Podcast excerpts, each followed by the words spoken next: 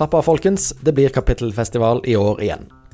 Festivalsjef Siri Odfjell Risdal hadde med seg en god bunke bøker som du bør lese, da hun hadde Bokprat på Sølvberget i juni. Jeg heter altså Siri Odfjell Risdal. Jeg, jeg har jobbet lenge på Sølvberget, men jeg er ganske fersk i rollen som festivalsjef. Jeg begynte i fjor. Og det var veldig kjekt og spennende å få være med og lage min egen eh, Eller være med og avvikle den første festivalen eh, som jeg skulle være sjef for. Men det var jo ganske bratt eh, læringskurve. Så jeg tenkte at i år, i år, da har jeg masse erfaring. Det blir mye lettere. Og så kom korona. Og så har jo eh, Så det har ikke vært så veldig lett å være festivalsjef i eh, Det skurrer litt, Linn. Går det greit? Håret, ja. Sånn.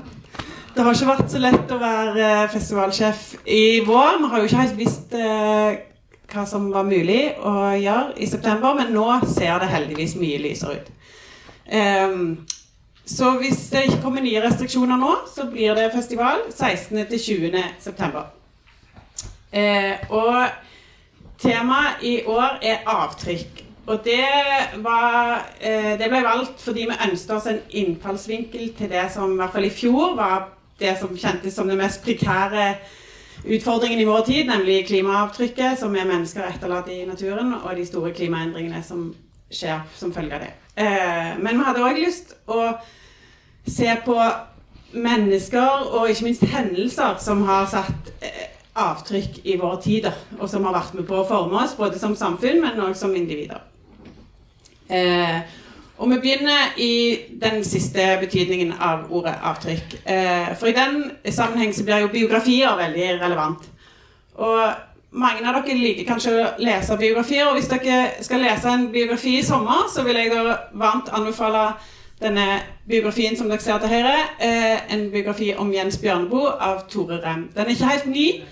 Eh, den kom for en del år siden, så noen av dere har kanskje lest den. Det, eh, Tore Rem er jo en av våre fremste biografer, og Jens Bjørneboe er jo en av våre mest sånn, legendariske og myteomspunne forfattere, som har satt et dypt avtrykk i vår litteraturhistorie. Så det er en fascinerende biografi.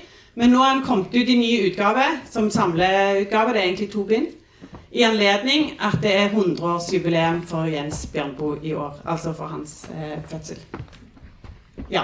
Så, og Det blir òg utgangspunktet for årets åpningsforedrag på kapittel. Det skal handle om Jens Bjørnboe, og det blir holdt av Tore Rem. Så det gleder jeg meg til. Eh, og så har jeg tatt med en biografi som ikke er kommet ut ennå. Den kom i september-oktober. Eh, men det er en biografi som Tore Rem jobber med nå. Og dette er da første bind, 'Den fremmede'. Og den skal da handle om eh, kong Olav den femte. Eh, som jo òg er en person som har satt veldig dypt avtrykk i vår historie, og i hvert fall vår kongehistorie. Eh, så følg med på det. Eh, ja. Og så skal vi over på en annen bok som ikke har kommet ennå, men som jeg eh, ikke tror jeg klarer å skjule at jeg er litt stolt over. For det er en egen jubileumsantologi som kommer i september, og som blir lansert på festivalen i anledning at kapittel blir 25 år i år.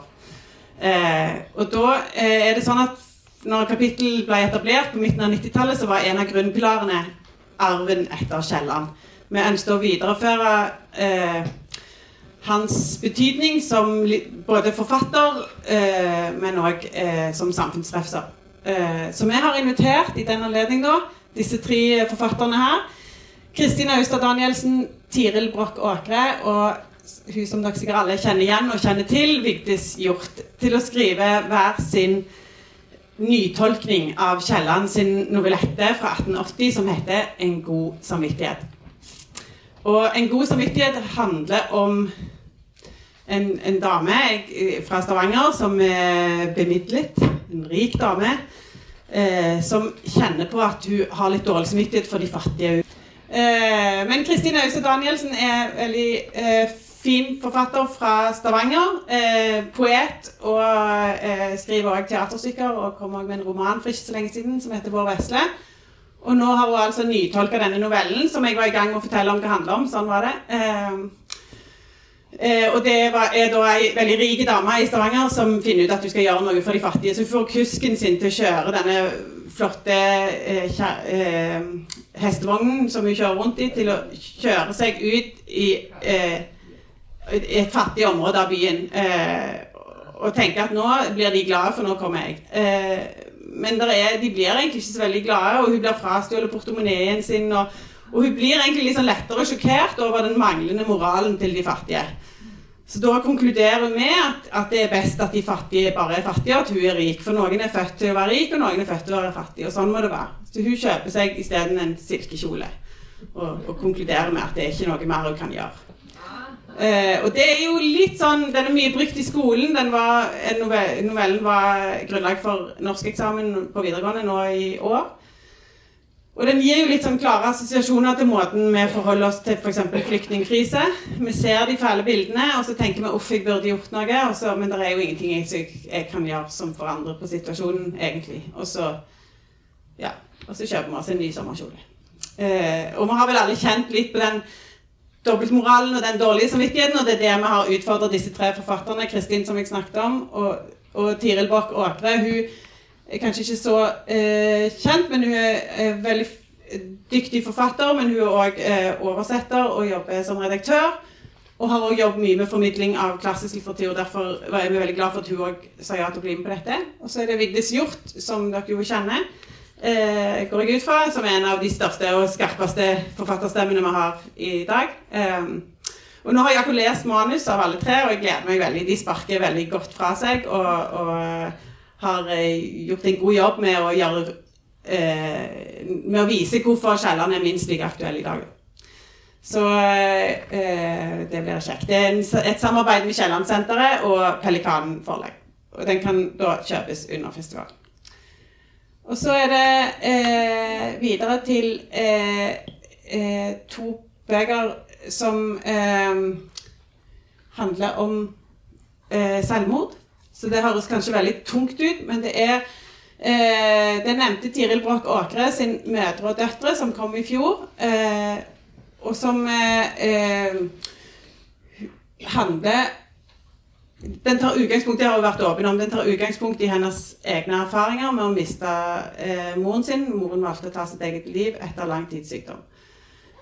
Og i og med at utgangspunktet er så tungt så, og heavy, så var jeg veldig skeptisk når jeg begynte å lese den, men hun skriver så veldig nært og varmt og rørende om det å være pårørende og etter hvert òg etterlatt til noen som blir, noen man er glad i, blir rammet av sykdom. Og det er jo noe som kan skje de fleste av oss i livet, og som mange kan kjenne seg igjen i om enn det ikke akkurat eh, ender med selvmord. Så, så, den er veldig nær og veldig eh, varm på den måten. og og alle som har en mor, eller alle som har vært en datter, eller som kjenner noen mødre og døtre, kan nok kjenne igjen mye, mye av den delen av boken. Men så er det òg samtidig en ganske sånn skarp samfunnskritikk, for hun er ganske kritisk til måten Eller den, eh, den oppfølgingen som moren fikk, og hun er kritisk til den oppfølgingen som hun og søsteren fikk som etterlatter. Um, så derfor eh, er jeg veldig glad for at hun både skal være med på dette, denne jubileumsantologien, men òg snakke om, om, sin siste bok selv òg. Og det skal hun gjøre sammen med Maria Navarro Skaranger. Hun er veldig ung og ny og eh, spennende forfatterstemme i Norge. Hun debuterte med 'Alle utlendinger har lukka gardiner', eh, der hun skriver om eh, fra et innvandrermiljø på Oslo østkant. Eh, I et sånn eh, urbant språk, så det har hun fått mye oppmerksomhet for. Og den boken ble òg film, som kom nå i vår. da. Men nå, eh, den siste boken kommer heter 'Bok om sorg', og den er jo òg eh, en, en, trist bok, men med, for hun skriver, og har vært åpen om at hun skriver med utgangspunkt i sine erfaringer med å miste sin egen bror i selvmord. Eh, men bokene er, er går ikke på en måte Graver seg ikke ned i i de mørke detaljene. Hun skriver først og fremst om om, eh, om det å være eh, om, om, savn og om, om, eh, om tiden før Å tegne et bilde av en person som hun savner, da. Så det er en fin skildring av en bror. Og så er det òg sorgen over at han òg var syk da og ikke fikk den hjelpen han skulle hatt. Eh, og de skal snakke sammen på Tungenes fyr. Det tror jeg blir en veldig fin samtale. De skal snakke med forfatter og, og psykolog Peter Strassegger om hvordan man kan formidle sånne vonde erfaringer gjennom litteraturen. da. Og så er det to andre forfattere som skriver veldig fint om sorg. Jeg holdt dette foredraget i går på Rennesøy, og da oppdaget jeg at jeg hadde veldig mange triste bøker. Og på Facebook så delte jeg at jeg skulle holde denne bokpraten. Så tror jeg til og med jeg skrøt av at jeg skulle holde den eh, At jeg, at jeg, jeg tenkte jeg måtte liksom sprite det opp litt. Så jeg sa kanskje jeg forteller en vits, men jeg, jeg skal ikke fortelle vits. Jeg skal snakke om kjempetriste bøker. Så sorry hvis noen blir skuffa nå. Um, men det er jo ofte sånn at det er de sterke og triste eh, erfaringene våre i livet som, som gjør dypest inntrykk i oss. Eh, og en sånn kollektiv traume som, som nok har eh, påvirka oss alle, er jo 22. juli. Eh, og rett etter 22. juli så merket jeg at jeg, måtte, jeg hadde baby når det skjedde, og, og følte meg litt sånn hudløs og måtte beskytte meg litt fra å lese og se for mye som handler om 22. juli, for det var så sterke bilder. Eh, men nå, de siste årene så har det kommet flere og flere både bøker, men òg TV-serier. Jeg vet ikke om noen av dere fikk med dere den som gikk på NRK nå i vinter. Eh, som har 22. juli som bakteppe, og som faktisk har vært veldig godt å se og lese, fordi det har vært en sånn slags bearbeidelse. Og så er det samtidig veldig gode og sterke bøker. Eh, Aina M. Ertseid har skrevet denne boken som heter 1525. Eh, og det er hennes debutroman. Hun er jurist og var på jobb i høyblokka i regjeringskvartalet når det smalt. Og hun har òg da eh, latt sin hovedperson eh, være jurist, og, og, Agnes. Og Agnes er på jobb i 8. etasje. Og 15.25 denne fredagen så smeller det, alt blir mørkt, og vinduet blåser inn, og det er kaos og, og røyk og brannalarm, og hun vet ikke hva som skjer, og om hun kommer seg ut. Um, men den skildringen der er bare en bitte liten passasje, for denne boka handler egentlig om tiden før og etter. Og hun skriver så utrolig fint om sånne ting som jeg overhodet ikke hadde tenkt på. Én ting er at Utøya nesten overskygger regjeringskvartalet, så jeg, har, jeg merket at jeg hadde tenkt mye mindre på det som, hvor dramatisk det som skjedde der, var for de som var på jobb, og de som var i sentrum. Uh, så det var en sånn viktig påminner om, om dramatikken som skjedde der. Uh, men så skriver hun òg om sine egne følelser og sine egne reaksjoner etterpå. Han heter 1525 fordi det var jo ja, som sagt tidspunktet der det smalt. Og, og hver gang klokken blir 15.25 i lang tid etterpå, så stivner hun liksom i kroppen. Så hun skriver så fint om hvordan det er eh, fysisk sitter igjen som et avtrykk Ina i lang tid etterpå. Men òg om hvordan hun savner så veldig arbeidsmiljøet sitt. Og hun skriver så levende om, om, om miljøet i korridorene i høyblokka, og kunsten på veggene, og samtalene mellom kollegene, og, og hvordan du føler sånn, deg som en del av en gjeng og har tilhørighet til en arbeidsplass. Og når da noe sånt skjer, så er det jo klart at etterpå så går alt i oppløsning.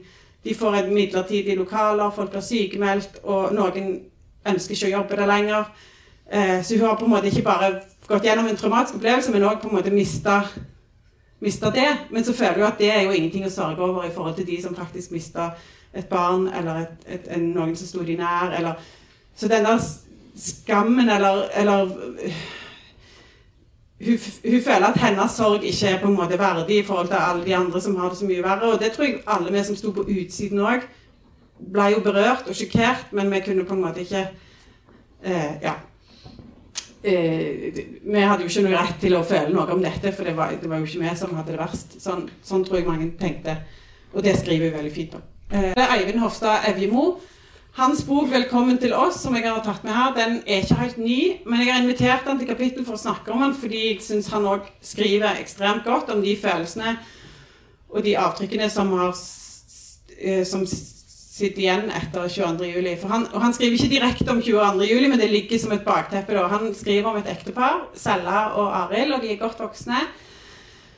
Og De lever et ganske sånn stillferdig liv, og så kommer det fram at de har mista sin, sin, sønn, da, eh, Kim, adoptivsønn, eh, for mange år siden i en fergeulykke. Så det hadde ikke noe med 22. juli å gjøre. Men når de da opplever at nabofamilien mister datteren sin på Utøya, så vekkes deres egen sorg til live. Og så kommer der for de òg en sånn følelse av at deres sorg på en måte er nesten ingenting i forhold til det dramatiske som skjedde på 22. juli, og hvordan det ikke bare var en sorg, men over å miste enkeltpersoner, men òg et angrep på hele demokratiet. Eh, og dermed blir det liksom deres egen sorg eh, i mindre skala, men den er jo ikke mindre vond for det. Og og han, han, har en mer sånn, sånn filmatisk blikk for detaljer og skriver veldig sigrerende og, eh, og, veldig fint om det som skjer i samspill mellom Selja og Arild i det ekteskapet eh, når disse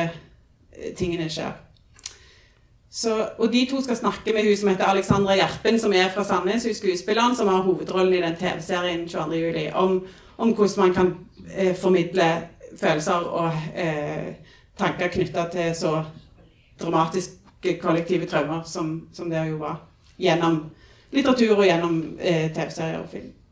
Eh, ja, eh, jeg advarte dere, det blir trist. Eh, for en annen en annen sånn et, et, annet traume, da, som, som et, i hvert fall nasjonalt traume, som har satt ganske dype spor i, i norsk arbeidslivshistorie, men, og spesielt i vår region, unnskyld, er, er Alexander Kielland-ulykken. Og i år er det 40 år siden den ulykken skjedde, men fortsatt er det jo en del ubesvarte spørsmål. Og det har kommet masse faglitteratur om, om ulykken. Eh, nå sist eh, Thomas Gretting, eh, journalisten i Stavanger Aftenblad, som kom med en mer sånn dokumentarbok eh, om hendelsene, som bare heter 'Alexander Kielland-ulykken'. Eh, og nå, høst, nå, i høst så skal dere jo hele Rogaland få lov til å lese eh, en fotodokumentarbok om Alexandra Kielland-ulykken av Marie Smith Simonsen og Tord Paulsen. Eh, men i fjor kom det for første gang en roman som har Alexandra Kielland-ulykken som bakteppe. Og for meg var det veldig sterk lesing, fordi at jeg var to år når ulykken skjedde. Og det betyr at jeg har ikke noe minne om hendelsen i seg selv. Det har bare vært en, en, en, en bilder på nyhetene. Jeg husker, husker, bilder på nyhetene fra når de snudde eh, plattformen. Og jeg, jeg, har jo på en måte kjent til hendelsen, men uten å på en måte ha tenkt over eh, konsekvenser og, for de som var involvert, og hvor mange som var berørt, og eh, dimensjonene eh, og, alt, og, hva det hadde å si for norsk arbeidsliv. Men gjennom denne romanen Arte Berge har gjort utrolig god research, eh, og som oppgir også kildene sine i boka, så får du jo et veldig sånn levende bilde av hva denne ulykken betydde for et lokalsamfunn og for, for enkeltmennesker. Og vi følger i denne boka Marita. og hun i, når boka åpner, så er hun lita jente, og så sitter hun på gulvet og leker med Lego. Og moren sitter i sofaen, og så ser de på nyhetene, og så eh, slår bildene fra ulykken inn. Og så sier moren hvilken plattform er det pappa bor på igjen? Og så skjønner vi jo da at han er, er der ute, og, han, og, hun mister faren i ulykken. Og så eh, Resten av boken handler da om, om Marita sin ungdomstid, der hun etter mange år der ulykken har vært for tida, for det var sånn jeg tror mange klarte å forholde seg til det, de bare snakket ikke om det. Og det gjør ikke hennes mor, og det gjør heller ikke lokalsamfunnet. Så når Marita blir ungdom, så får hun sånn veldig eh, sterkt behov for å finne ut hva som egentlig skjedde. Parallelt med at hun er ungdom og vil gjøre opprør og vil gå sine egne veier. Og hun vil bli eh, oljeingeniør. Det var det ikke så mange jenter som ville på 80-tallet. Så, så, hun er sta. Eh, og og lett å leve seg inn i. Og, det er en veldig lun og fin eh, oppvekstskildring, men så, der denne ulykken hele veien ligger som et bakteppe. Eh, og, og, for meg og min generasjon så tror jeg at det er Det var i for meg, da, jeg kan jo bare snakke på vegne av meg sjøl, men det var for meg veldig tankevekkende ting som kom fram, f.eks. Som, som fordi jeg har vokst opp med at likestilling og HMS og sånne selvfølgeligheter i arbeidslivet, så er det litt Eh, så måtte jeg på en måte vri hodet for å forstå at det, det, var jo mer eller mindre bare menn. Det var bare menn som døde. Av de 123 menneskene som mista livet. For det var bare menn som jobbet på plattformen. Og det var en sånn eh, sterk detalj som jeg ikke har tenkt over eh, så mye før. Og så var det jo mange av de som døde fordi det ikke var nok redningsvester. En så enkel ting som det. Og det er jo en ting som i dag er en selvfølge, men som eh, ikke var det da, dessverre. Um, så den gjorde jeg veldig inntrykk. Så er vi, ja, lystig. Uh, da er vi over på andre verdenskrig. For det er jo et kollektivt traume som det er vanskelig å komme utenom når vi skal snakke om avtrykk i historien. Uh, og det kommer jo hele veien masse bøker om andre verdenskrig. Heldigvis, på en måte. Det er viktig uh, at vi som kommer etterpå, ikke glemmer at vi forstår. Men to av de som jeg har gjort størst inntrykk på meg, og som jeg har lagt merke til det siste året, er disse to. 'Jenta med minneboken' av Bartran Es er en, eh, den kom i 2018. Han, eh, Bartvanes er britisk litteraturprofessor, men han har eh, bak, altså familiebakgrunn fra Nederland, som dere kanskje skjønner på navnet. Og han, eh, han har skrevet denne biografien, hvis man kan kalle det det, om hun jenta som dere ser på bildet der, som heter Lientje, og som er en jødisk jente som hans besteforeldre gjemte under krigen eh, som fosterbarn, og som de tok inn og oppdro som sin egen, men i skjul. Eh, men på et eller annet tidspunkt så skjer det noe. Hun bryter med familien. Eh, og Barthanes har på en måte bare hørt snakk om denne jenta uten å ha fått noe informasjon om hva som egentlig skjedde, for det, det, de vil ikke snakke om det. Og når han blir voksen nå og begynner å skjønne at hvis han skal finne ut av det, så er det nå, for den generasjonen er i ferd med å dø ut, så, så får han behov for å oppsøke Lientje. Og han får tak i henne, og så begynner hun å fortelle sin historie. Og hun har da tatt vare på minneboken sin fra den tiden. Eh, så her er det autentiske bilder og, og sitater, og det er supersterk lesning. Fordi han forteller jo ikke da bare, han nøster jo ikke bare opp i sin egen familiehistorie, som nesten er en liksom krimhistorie, for du lurer jo på hva som har skjedd, hvorfor hun brøt. Men det er òg en, en eh, sterk skildring av det nederlandske holocaust, som jeg ikke var klar over. at at var et, noe av det verste. Eh, Ned, Nederland var, var, et av de landene i Vest-Europa Eller det var det landet i Vest-Europa som drepte flest jøder under krigen. Eh, så det er en ganske brutal historie. Eh, men han, og han, trekker, han skriver parallelt både hennes historie og sin egen researchhistorie, altså når han reiser til Nederland og oppsøker henne og sånn. Og, og, han trekker paralleller til det han oppdager om, om holocaust i Nederland, til det som skjer i dag. Eh, fordi at det eh, ja, Han viser til at det nasjonalistiske partiet i Nederland har ganske stor og skremmende, opp, skremmende stor oppslutning nå. Eh, så, og i lys av det som skjer i USA òg, så føles det, det føles som livsviktig lesning. Den er fantastisk eh, sterk og fin. Og det jeg skulle si innledningsvis, er at den i 2018 da ble kåra til årets bok i Storbritannia. Og nå kommer den på norsk nå i vinter. Eh, og vi håper jo veldig at han kan komme fra Storbritannia. Han, han, eh, han har sjøl stor tro på at det kan gå fint i september, men vi vet jo ikke hvordan verden ser ut. Eh, og foreløpig er det jo bare innen Norden at de har åpna grenser for jobbreiser. Men eh, vi håper. Men uansett er det en god bok. Men hvis han kan komme, så skal han snakke med hun som heter Irene Levin, som dere kanskje kjenner til. Hun eh, er jo litt i mediene og var nylig på Kveldsnytt for å presentere denne nye boken sin som heter 'Vi snakket ikke om holocaust'. Og det er eh, en bok skrevet basert på notater som hun fant når hun rydda dødsboet etter sin mor. Eh, der hun oppdaget at moren hadde notert eh, på løse lapper rundt omkring Eh, både om opplevelsene under andre verdenskrig, eh, og hvordan jødene, forholdene for jøder var da. Eh, og om sin egen flukt, og om sin egen, ikke minst da, om tiden etter andre verdenskrig, og hvor mye eh, Og hun bar på en sånn enorm skyldfølelse over at hun ikke klarte å redde sin egen far, f.eks.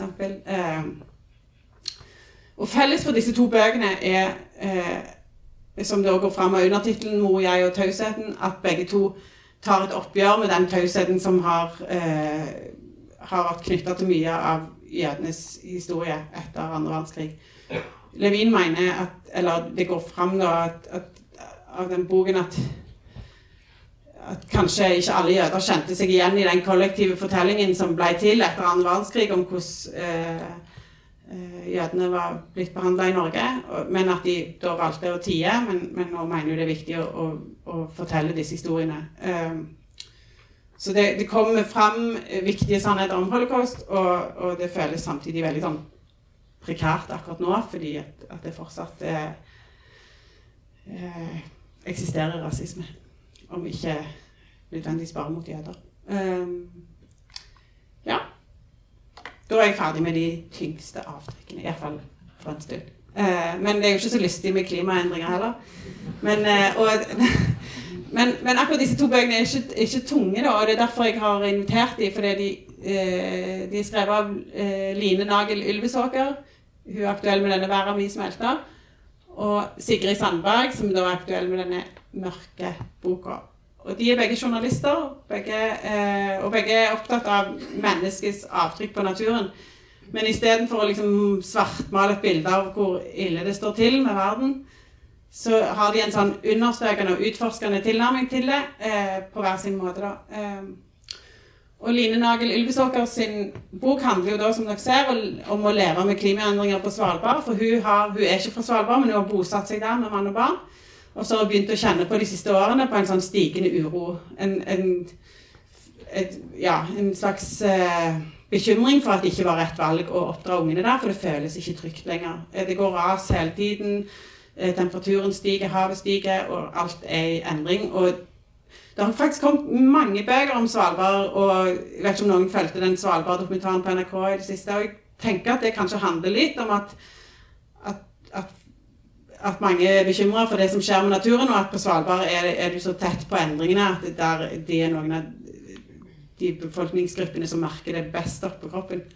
Og det gjør hun òg. Mens istedenfor å på en måte bare skrive en bok som viser hvor hvor dramatisk det er, så, så intervjuer forskere og forteller og, og lokalbefolkningen og, og, viser på en måte endringene over tid. Eh, og med en sånn enorm kjærlighet til Svalbard i bånn. Så det, er veldig, veldig kjekk lesning. Eh, ja. Og hun Sigrid Sandberg hun har òg bodd på Svalbard. Jeg vet ikke om noen av dere husker det der barne-TV som gikk på 80-tallet som heter To hus tett i tett? eh, fra Bergen. Det husker jeg veldig godt. Jeg så veldig opp til, for hun, Sigrid er da barnet. Det er barnefamilie og er besteforeldre som bor tett i tett, og som er glad i naturen. Og, ja. og Sigrid er et av de barna som bor i de husene da. Og eh, jeg syns hun var veldig kul. Og hun er nå voksen og er fortsatt veldig opptatt av menneskets avtrykk i naturen. og Har gitt ut flere bøker om det, og nå sist da denne 'Mørke'. Der hun peker på at vi jo ikke lenger kan se stjernehimmelen i store deler av verden fordi eh, verden, jo, jordkloden er eh, altså fordi, eh, På grunn av kunstig belysning. Da. Eh, og det har vi vel alle merket hvis vi er på fjellet eller et eller annet sted der det ikke stjernehimmelen blir ødelagt av gatelys. Oi, hvor mektig det er. Eh, og hun, hun kjenner hun utfordrer seg sjøl og bestemmer seg for å overnatte fem netter alene på Finse. Og hvis man trodde man visste hva mørket var, nei, det gjorde man ikke før man har ligget alene på Finse ute om vinteren. Eh, så hun skriver om det, og det er jo veldig spennende. Og, og så skriver hun samtidig om, eh, om hva mørke og lys gjør med oss, og hva skjermlys gjør med oss. Kunstig lys fra skjerm. Og for meg med tre gutter, veldig interessant lesing, altså. Eh, ja. Så eh, de to skal samtale med han som heter Ole Mattismoen, eh, klimajournalist, eh, om eh, med utgangspunkt i bøkene sine, da. Eh, men hun skriver òg om med utgangspunkt i klimaendringer, men hun har valgt en mer poetisk tilnærming. Hun heter Ida Frisk, og hun er ganske ung og ny forfatter. Hun debuterte for et par år siden med en bok som heter 'Klør'. Fikk kjempefin mottakelse. Og nå er hun altså ute med denne lille, tynne saken her som jeg ikke helt vet hva jeg skal kalle. Det er poesi, men det er mer et brev, på en måte, eller en slags samtale. Og det er kanskje den boken jeg i løpet av våren da brukte minst eller kortest tid på å lese. Den tok jo bare en time og to. Eh, men lengst tid på å gå og tenke på etterpå. Eh, både fordi den er litt sånn eh, uvanlig i formen, men òg fordi og jeg, eh, Fordi jeg syns det er sterk lesing. Uh, hun hun, hun, tar utgangspunkt i eh, en, en jeg-person, eller et, et, menneske, som henvender seg til Grønland som, en, eh, som verdens største øy. Da, og Grønlandsisen er jo i ferd med å smelte, og, og hun er bekymra. Eh, men istedenfor å da på en måte skrive om det, så, skrive, så, så prøver hun òg å forstå da, hva som er i ferd med å skje. og så overfører hun det et bilde, som et bilde på ønsket om forandring. Eh, så jeg tenkte jeg skulle lese baksideutdraget for dere, for det eh, gir dere en idé om hvordan boken er eh, satt sammen. da. Eh, kjære Grønland. Det er kanskje egoistisk av meg å ville bli hørt sånn, men jeg tror jeg forstår litt hva du holder på med. Jeg har òg lyst til å forsvinne innimellom. Synke ned i bakken fordi jeg skammer meg. Eller fordi jeg blir sjenert, eller fordi jeg er på feil sted til feil tid. Men jeg kan jo ikke forsvinne. Jeg har jo denne her menneskekroppen som jeg ikke blir kvitt. Det hjelper ikke bare å lukke øynene. Det vil jo se helt merkelig ut. Men jeg kan forstå følelsen din, Grønland. Det må ville forsvinne, mener jeg. Det må ville bli ny og ville forandre seg. Så liten og fort lest og veldig sånn til ettertanke. Og på eh, Hun er invitert av en annen grunn òg, fordi eh, det er faktisk flere forfattere som skriver med Grønland som bakteppe, så hun skal i samtale med Kim Leine, som dere kanskje kjenner til, dansk-norsk forfatter, som eh, jo har skrevet og, mye fra Grønland og Grønlands historie, og eh, har det som utgangspunkt for flere av sine romaner. Så han kommer. Og eh, en, en dansk forfatter som er ganske etablert og anerkjent i Danmark, men som kommer med sin første bok på norsk nå i høst, som heter Iben Mondrup. Og hennes bok heter 'Tabita'. Og det er en ganske sånn eh, oppriv Jeg nå har jeg bare lest manusutkastet, eller den danske versjonen, men eh, den handler om Det er en adoptivhistorie, og det er en trist historie med utgangspunkt i, i, i et, et, dansk par som adopterer eh, et barn fra Grønland. Um, så det tror jeg òg blir en veldig fin samtale, som, som på en måte uh, vil handle om deres tre ulike bøker, men, men har Grønland som sånn bakteppe. Så håper jeg alle legger merke til den galante overgangen fra Grønland til Island. Um, for to av de største forfatternavnene som kommer til kapittelet i år, og som jeg nå faktisk har god tro på at kommer, nå har jo nordiske grenser åpne, det er Bergsvein Birgesson og Audur Ava Olavsdottir. Og de er jo begge eh, store forfatternavn på Island. Eh, Bergsvein eh, har tidligere vunnet Nordisk råds litteraturpris, og nå er han eh, eh, nominert med Eh, eller bare ikke si noe feil nå, dette skal både bli podkast og filmer. Men han har i hvert fall vært nominert flere ganger, og det er han òg i år for denne nyeste historiske romanen sin, som heter 'Reisen til livsvannet'. Eh, det er en, en ganske sånn Ja, hva står det på forsida her? Eventyrlig roman. Altså, den har på en måte Island, eller et fattig land da, som, som, utgangspunkt, og så er det det fattige landets kamp mot kolonistene, da, eller makthaverne, og deres overgrep på menneskene og på naturen. Og jeg leser det litt som en sånn allegori på måten vi på en måte overforbruker naturen i dag på. Eh, men det er òg en sånn storslått fortelling om Islands historie, eh, i romanform selvfølgelig, men en, en historisk roman, da. Så, og ifølge han Harald Birkevold, som skal intervjue Bergsvein Birgesson på kapittel, så er det Jeg har bare lest denne, men han har lest flere bøker av Bergsvein og sier at dette er den beste boken han har skrevet så langt. Um, og så er det Audur Ava Olafsdottir. Hun, hun vant Nordisk råds litteraturpris i 2018. Eh, og er for en bok som heter Arv. Og nå er hun altså eh, aktuell med denne romanen som heter 'Frøken Island'. Veldig annerledes enn Bergstein sin, men òg eh, med utgangspunkt i Island. Eh, den handler om Hekla. Hun er oppkalt etter mot morens vilje, men faren var veldig eh, interessert i vulkaner, så hun er oppkalt etter en vulkan. Og hun, hun reiser fra et lite sted på Island til Reykjavik for å bli forfatter i 1963. Det er veldig sånn fint tidskoloritt, eh, så jeg lever meg veldig inn i hvordan det var på 60-tallet, men det er òg det, men det er òg en veldig sånn kul og feministisk roman. For på 60-tallet så skulle man jo ikke bli forfatter hvis man var kvinne på Island. Da skulle man føde barn, eller til nøds bli frøken Island. Og eh, Hekla har ikke lyst til noen av delene. Så hun får seg en dagjobb, og så sitter hun og skriver om natten i skjul. Eh, kjempebra roman. Veldig fin. Og så har jeg to andre utenlandske forfattere jeg har tatt med. De er jo Jeg må bare være ærlig og si at det er usikkerhet knytta til hvordan det ser ut i september, og om de kan komme. Men jeg tenker at jeg tar de med uansett, for det er etter min mening to av de beste oversatte bøkene som har kommet i år. Eh, Josef Pontus er faktisk debutant, men har allerede fått oversatt denne boken 'Linjeskift' til ganske mange språk. Eh, og det er en arbeider roman, eller kanskje ikke roman, det er mer som et slags langdikt. Eller i hvert fall ifølge Arne Lo, da, så er det et godt langdikt av en sint fransk fabrikkarbeider.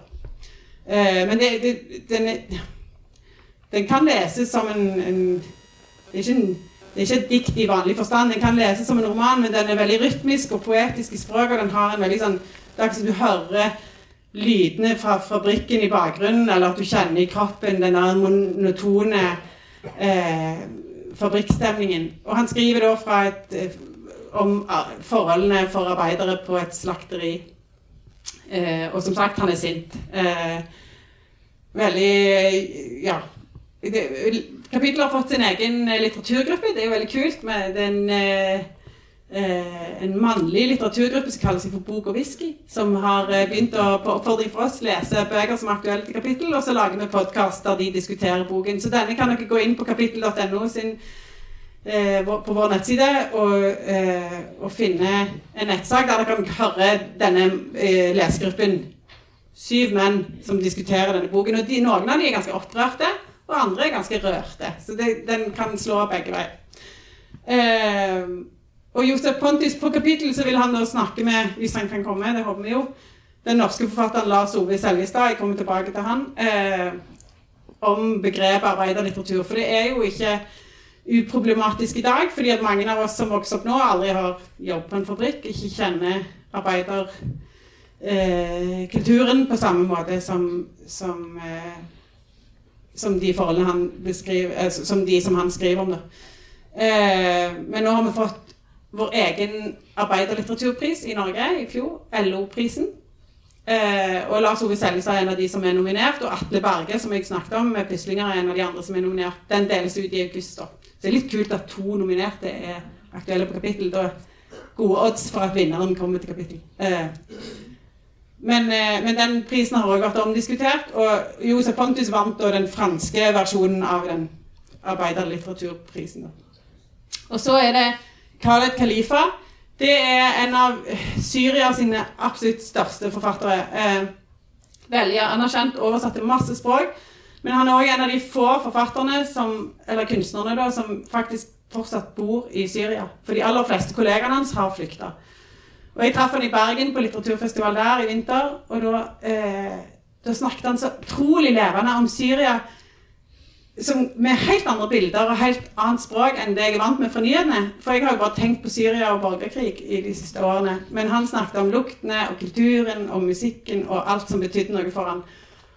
Og snakket om det som, som så sterkt for han at han ikke kunne forlate landet, selv om forholdene for forfattere er blitt vanskelige. Og, ja. og han mener da at selv om han alle blir skada av krigen. Du, hvis, selv om du overlever, så, så, så setter krigen merke i deg, eller avtrykk i deg.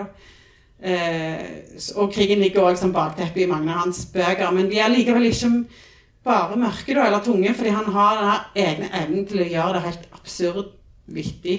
Altså, han, han, har en utrolig kul, mørk eh, humor. Og, selv, eh, og det gjennom Ja, jeg syns bare tittelen 'Døden er et slit' er jo ganske Ja. Eh, vi sier litt om tonen hans, da. Eh, og, og, viser noe av den underliggende mørke humoren som han er så god på.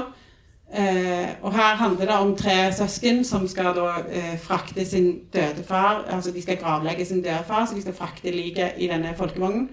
Men det viser seg jo å bli helt absurd vanskelig.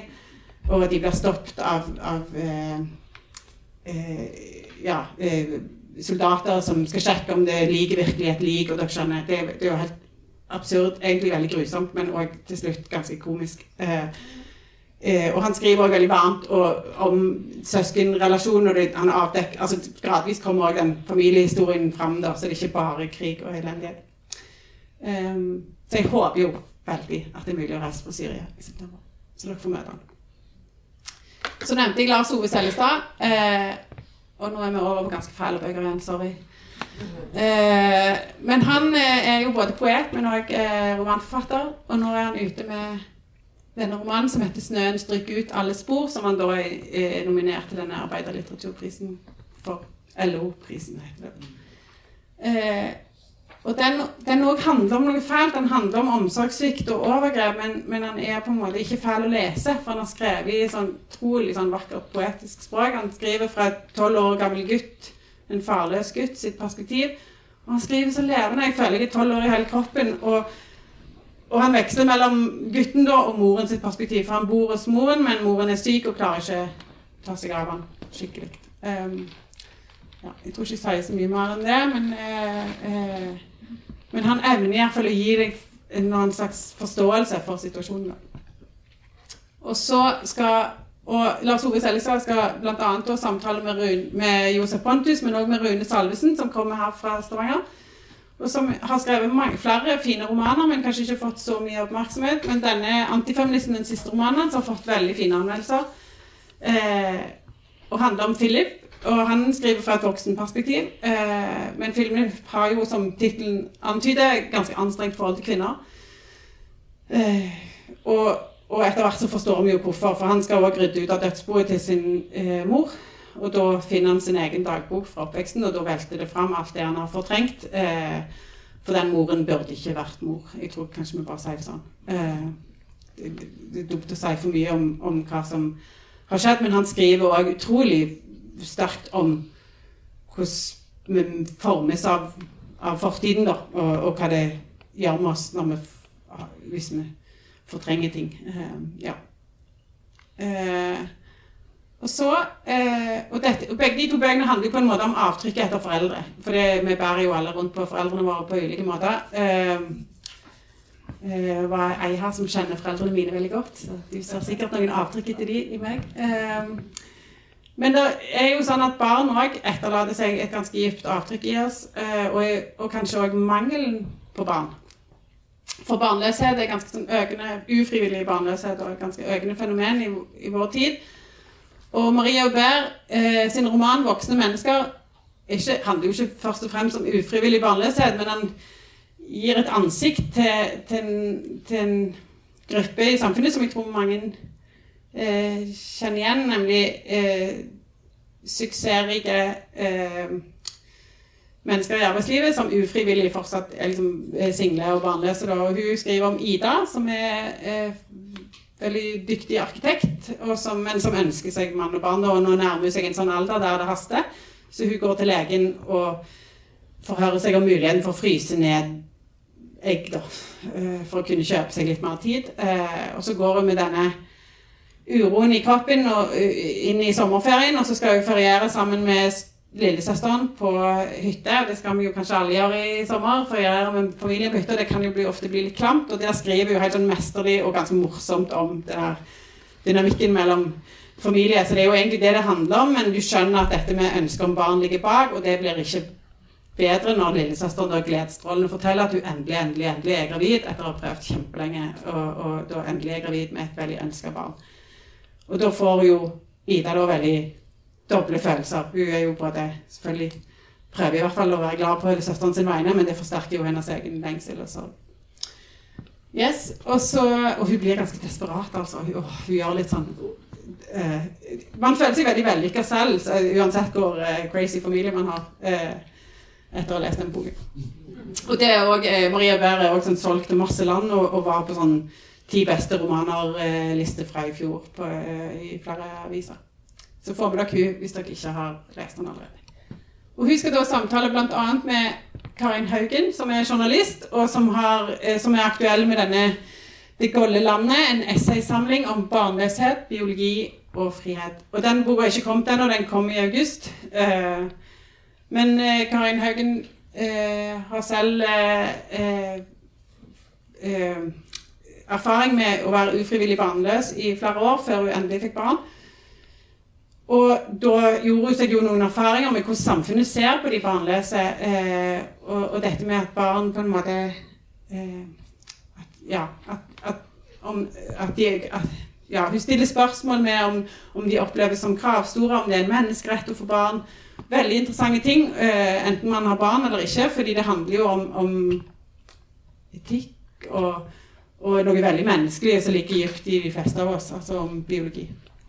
Og så går jo dette ønsket om barn og denne biologien og den biologiske krokken ofte litt på sånn eh, Den går ikke alltid helt opp med dette ønsket om frihet som, veldig, som ligger veldig sterkt i oss i vår tid. Eh, så det skriver hun interessant om. Jeg nærmer meg slutten, men jeg skal nevne eh, noen fagbøker først. Det er kanskje ikke sånn at du tenker at når du skal leke deg i hengekøya, så tar du med deg en fagbok, men, eh, men eh, jeg vil gjerne nevne disse tre, både fordi eh, de, de, har veldig sånn de, de, er lettleste og veldig engasjerende. Eh, og så ble de òg eh, litt sånn ekstra relevante i år pga. Eh, korona. Eh, krigen mot bakteriene ble lansert om, i mars, omtrent parallelt med at korona traff eh, Norge.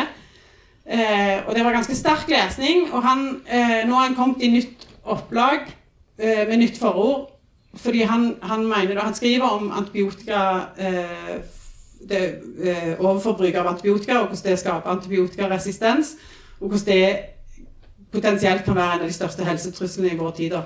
Fordi at helsevesenet kan kollapse hvis vi ikke lenger har antibiotika og beskytter oss mot pest og pandemi. Eh, og så skriver han om i forordet da, hvordan eh, han mener at grunnen til at helsevesenet kollapsa i Italia og Spania eksempel, altså i Sør-Europa, er at der har de et helt annet forbruk av antibiotika enn her i Norge. Sånn at han advarer på en måte om at det kan skje hos oss òg hvis vi ikke er bevisste. Men han er, eh, han er en ekstremt god formidler, og, så boka er ikke tung. Og, og, det føles og det, og det, er mye ny kunnskap som ikke eh, som føles veldig relevant. Og så har han òg noen tanker om Han er veldig løsningsorientert, så det, det, eh, det liker jeg når det ikke er så mørkt.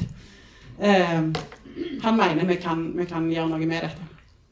Og så er det Peder Kjøs. Eh, han er en ganske sånn profilert TV-psykolog, som sikkert mange av dere har eh, hørt om eller sett. Eh, og han eh, har skrevet flere bøker. Nå er han aktuell med denne boken som heter 'Alene', som jo plutselig, når vi alle skulle sitte alene i vårt eget eh, hjem i flere uker, ble veldig aktuell. da. og han skriver han, han, intervjuer forskere, og han tar utgangspunkt i egen praksis eh, som psykolog. Da, og han viser også til litteraturen for å på en måte utforske ensomhetsbegrepet. For noen av altså, noen ganger er det jo det å være alene en luksusting. Eh, for oss som står i sånn eh, barnefamilie, kabal, livsfase, så, så er, det ganske etterlengta å være litt alene. Eh, men når det er ufrivillig, så er det jo ingen av oss som liker å være alene. Og hvis det blir en ond sirkel, så kan det jo bli til en opplevelse av ensomhet. Og nå er det sånn at, at i vår tid at, at, ensomhet er et av de største helseproblemene for særlig unge og eldre. Og han utforsker på en måte hvorfor det er sånn, og, og antyder litt om veien ut. Og han, han, sier så fint at alle ensomme ønsker at noen skal bry seg om dem, men veien ut av ensomhet er jo å bry seg om noen andre.